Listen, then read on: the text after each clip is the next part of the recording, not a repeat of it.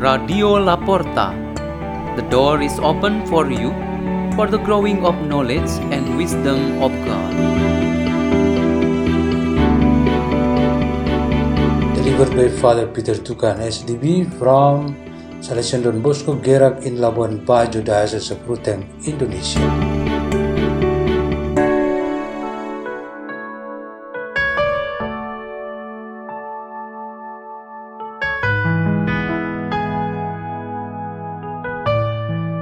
Reading and meditation on the Word of God on Friday of the fourth week of Lent, March 24, 2023.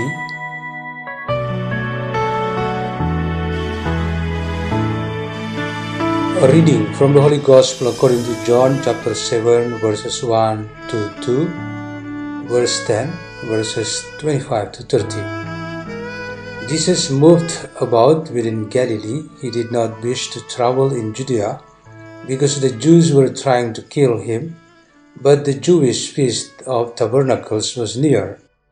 But when his brothers had gone up to the feast, he himself also went up not openly but as it were in secret.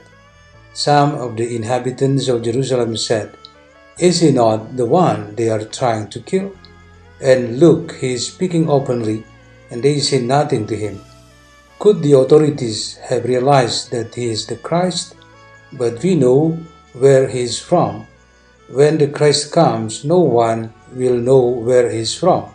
So Jesus cried out in the temple area as he was teaching and said, You know me and also know where I am from.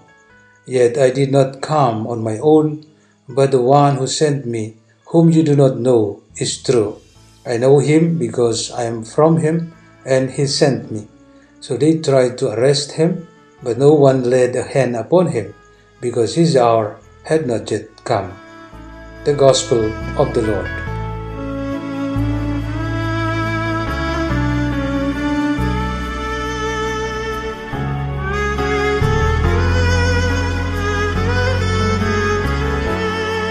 The theme of our meditation today is His time does not yet come.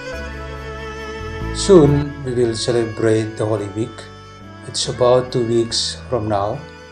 The passion and death of Jesus Christ is the ultimate experience of His suffering.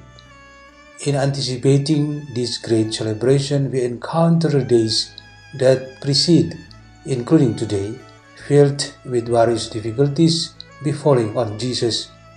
The threats were truly real, direct, and certain for him. He was on the verge of persecution. Long before the real experience of Jesus Christ, the Book of Wisdom already described such persecution, which was eventually realized in Jesus Christ. He said, Come, we try him with persecution and torture, so that we know the gentleness and patience of his heart.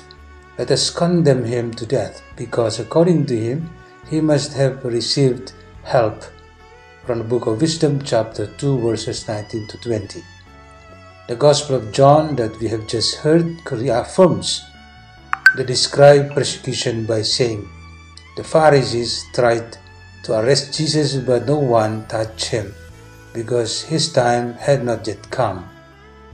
His time had not yet come because it should have depended entirely on the Father's will. Holy Thursday night and Good Friday had not yet arrived. All of us and everyone are subject to this particular time limit.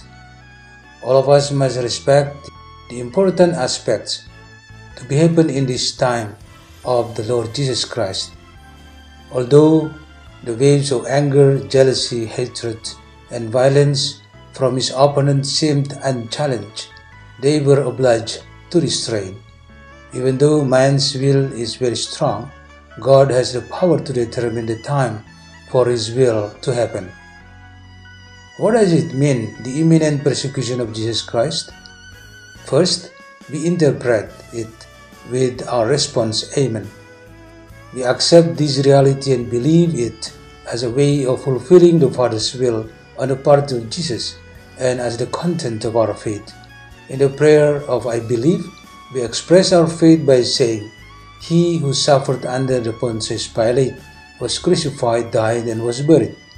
We agree and accept this evil treatment toward Jesus, which means we also accept the Lord's teaching and invitation to follow Him in every moment of suffering that we face in our lives.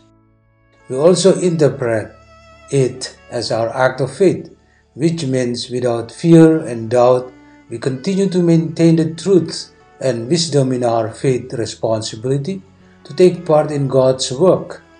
Usually, the temptation for those who are in a situation of suffering and persecution is fear and eventually surrender to the influence of the tempter. This is what an authentic follower of Christ should not do. In an imminent trial or persecution, we do have courage to cry out. Our courage and willingness to face is only for the sake of our participation in the way of our Lord Jesus Christ. Let's pray. In the name of the Father, and of the Son, and of the Holy Spirit. Amen. O merciful Father in heaven, strengthen us always, especially when we are in the midst of suffering and persecution, so that we remain always in your way. Our Father who art in heaven, hallowed be thy name. Thy kingdom come, thy will be done on earth as it is in heaven. Give us this day our daily bread and forgive us our trespasses, as we forgive those who trespass against us. And lead us not into temptation, but deliver us from evil. Amen. In the name of the Father, and of the Son, and of the Holy Spirit. Amen. Radio La Porta. The door is open for you.